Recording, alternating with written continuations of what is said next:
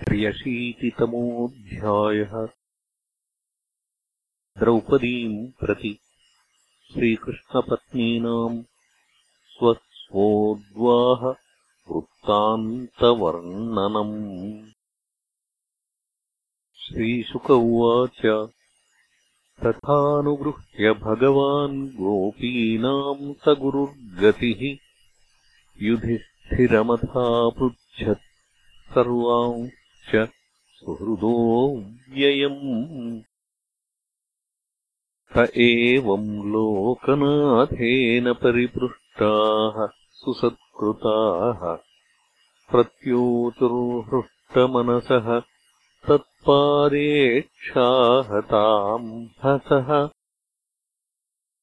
कुतो शिवम् त्वच्चरणाम्बुजासवम् महन्मनस्को मुखनिःसृतम् क्वचित् पिबन्ति ये कर्णपुटैरलम् प्रभो। देहम् भृताम् देहकुदस्मृतिच्छिदम्। हित्वात्मधामविधृतात्मकृतत्र्यवस्थम् आनन्दसम्प्लवमखण्डमकुण्ठबोधम् कालोपसृष्टनिगमावन आत्तयोगमायाकृतिम् परमहंसगतिम् नताः स्म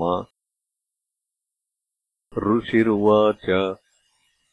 इत्युत्तमश्लोकशिखामणिम् जनेष्वभिष्टुवत्स्वन्धककौरवस्त्रियः समेत् गोविन्दकथामिथो गृणन् त्रिलोकगीताः। शृणुवर्णयामि ते।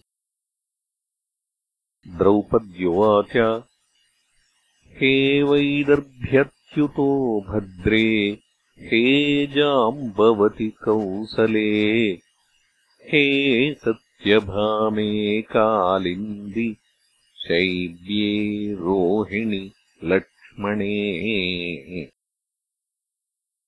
हे कृष्णपत्न्य एतन्नो ब्रूतवो भगवान् स्वयम् उपयेमे यथा लोकमनुकुर्वन् स्वमायया।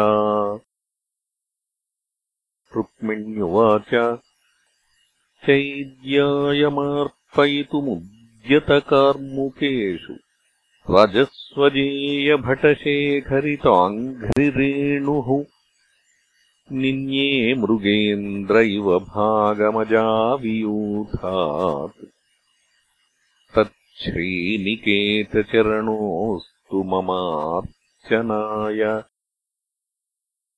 सत्यभामोवाच यो मे सनाभिवधत हृदा ततेन लिप्ताभिशापमपमास्तुमुपाजहार जित्वर्क्षराजमथरत्नमदात्ततेन भीतः पितादिशत माम् प्रभवेऽपि दत्ताम्। जाम्बवत्युवाच राज्ञायदेहकृदमुम् निजनाथदैवम्। सीतापतिम् त्रिणवहान्यमुनाभ्ययुध्यत् ज्ञात्वा परीक्षित उपाहरदर्हणम् माम् पादौ प्रगृह्य मणिनाहममुष्य दासी।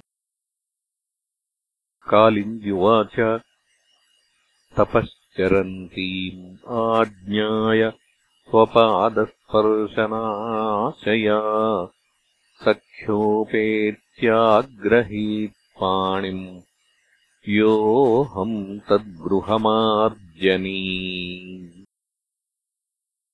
मित्रविन्दोवाच यो माम् स्वयंवर उपेत्य विजित्य भूपान्।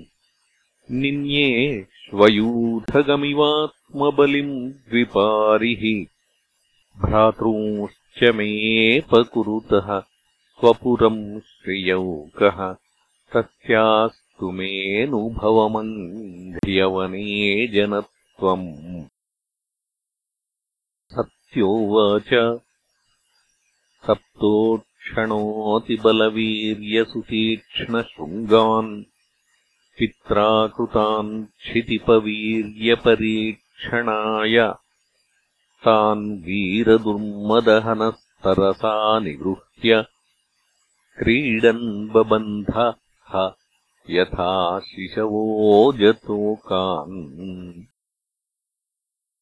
य इत्थम् वीर्यशुल्काम् माम् दासीभिश्चतुरङ्गिणीम् पथि निर्जित्य राजन्यान्निन्येतद्दास्यमस्तु मे।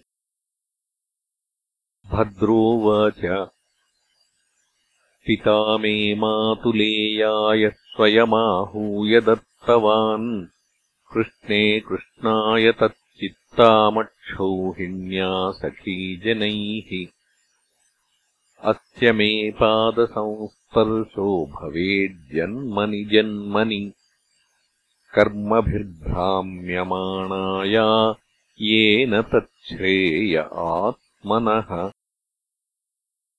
लक्ष्मणोवाच ममापि राज्ञच्युतजन्मकर्म च।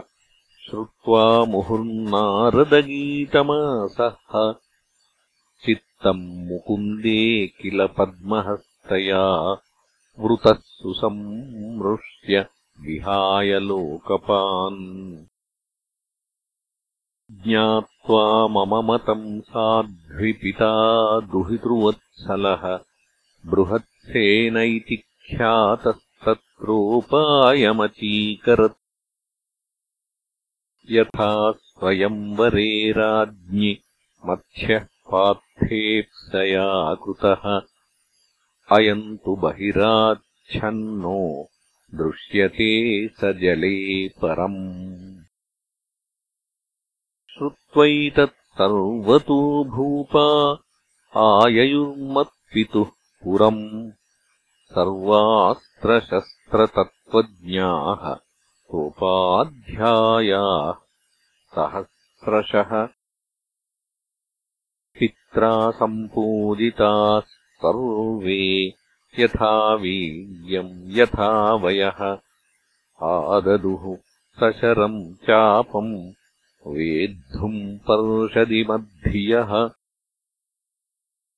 आदाय व्यसृजन् केचित् सज्यम् कर्तुमनीश्वराः आकोटिज्याम् समुत्कृष्य पेतुरेके मुनाहताः सद्यम् कृत्वा परे वीरामागधाम् बष्ठचेदिपाः भीमो दुर्योधनः कर्णो नाविन्दम् तदवस्थ मत्स्याभासम् जले वीक्ष्य ज्ञात्वा च तदवस्थितिम्। पार्थो यत्तोऽसृजद्बाणम् नाच्छिनत् पस्पृशे परम्। राजन्येषु निवृत्तेषु भग्नमानेषु मानिषु भगवान् धनुरादाय सज्यम् कृत्वाथ लीलया तस्मिन् सन्धाय विशिखम् मत्स्यम् वीक्ष्य सकृज्जले। छित्त्वेषुणापातयत्तम् सूर्ये चाभिजिति स्थिते। दिवि दुन्दुभयो नेदुः जयशब्दयुता भुवि। देवाश्च कुसुमासारान् मुमुचुर्हर्षविह्वलाः तद्रङ्गमाविशमहम् कलनूपुराभ्याम् पद्भ्याम् प्रगृह्य कनकोज्ज्वलरत्नमालाम्। नूत्ने निवीयपरिधाय च कौशिकाग्र्ये सव्रीडहासवदना कबरीधृतस्रक् उन्नीयवक्त्रमुरुकुन्तलकुण्डलत्विड् गण्डस्थलम् शिशिरहासकटाक्षमोक्षैः राज्ञो निरीक्ष्य परितः शनकैर्मुरारेः हंसेऽनुरक्तहृदया निदधे स्वमालाम् तावन्मृदङ्गपटहाः शङ्खभेर्यानकादयः। निवेदुर्नटनर्तक्यो न नृतुर्गायका जगुः एवम् वृते भगवति मयेशे नृपयूथपाः। न सेहिरे याज्ञसे निःस्पर्धन्तो हृच्छयातुराः। माम् तावद्रथमारोप्य हयरत्नचतुष्टयम् शार्ङ्गमुद्यम्य सन्नद्धः तस्थावाजौ चतुर्भुजः दारुकश्चोदयामास काञ्चनोपस्करम् रथम् मिषताम् भूभुजाम् राज्ञि मृगाणाम् मृगराडिव तेऽन्वसज्जन्तराजन्या निषेद्धुम् पथि केचन। संयत्ता उद्धृते श्वासा ग्रामसिंहा यथा हरिम् तेषार्ङ्गच्युतबाणौघैः कृत्तबाह्वङ्घ्रिकन्धराः निपेतुः प्रधने केचिदेके सन्त्यद्यदुद्रुवुः। ततः पुरीम् यदुपतिरत्यलङ्कृताम् प्रविच्छदध्वजपटचित्रतोरणाम् कुशस्थलीम् दिवि भुवि चाभिसंस्तुताम् समाविशत्तरणिरिव स्वकेतनम् पिता मे पूजयामास सुहृत्सम्बन्धिबान्धवान् महार्हवासोऽलङ्कारैः शय्यासनपरिच्छदैः दासीभिः सर्वसम्पद्भिः भटेभरथवाजिभिः आयुधानि महार्हाणि ददौ पूर्णस्य भक् आत्मा रामस्य तस्येमा वयम् वै गृहदासिकाः। सर्वसङ्गनिवृत्त्याद्धा तपसा च बभूविम। महिष्य ऊचुः। भौमम् निहत्य सगणम् युधितेन रुद्धाः। ज्ञात्वाथ नः क्षितिजये जितराजकन्याः निर्मुच्य संसृतिविमोक्षमनुस्मरन्तीः पादाम्बुजम् परिणिनाय य आप्तकामः न वयम् साध्विसाम्राज्यम् स्वाराज्यम् भौज्यमप्युत वैराज्यम् पारमेष्ठ्यम् च आनन्त्यम् वा हरेः पदम् कामयामः एतस्य श्रीमत्पादरजश्रियः कुचकुङ्कुमगन्धाढ्यम् मूर्ध्नावोढुम् गदाभृतः। व्रजस्त्रियो यद्वाञ्छन्ति पुलिञ्जस्तृणवीरुधः गावश्चारयतो गोपाः पादस्पर्शम् महात्मनः इति श्रीमद्भागवते महापुराणे पारमहंस्याम् संहितायाम् दशमस्कन्धे उत्तरार्धे त्र्यशीतितमोऽध्यायः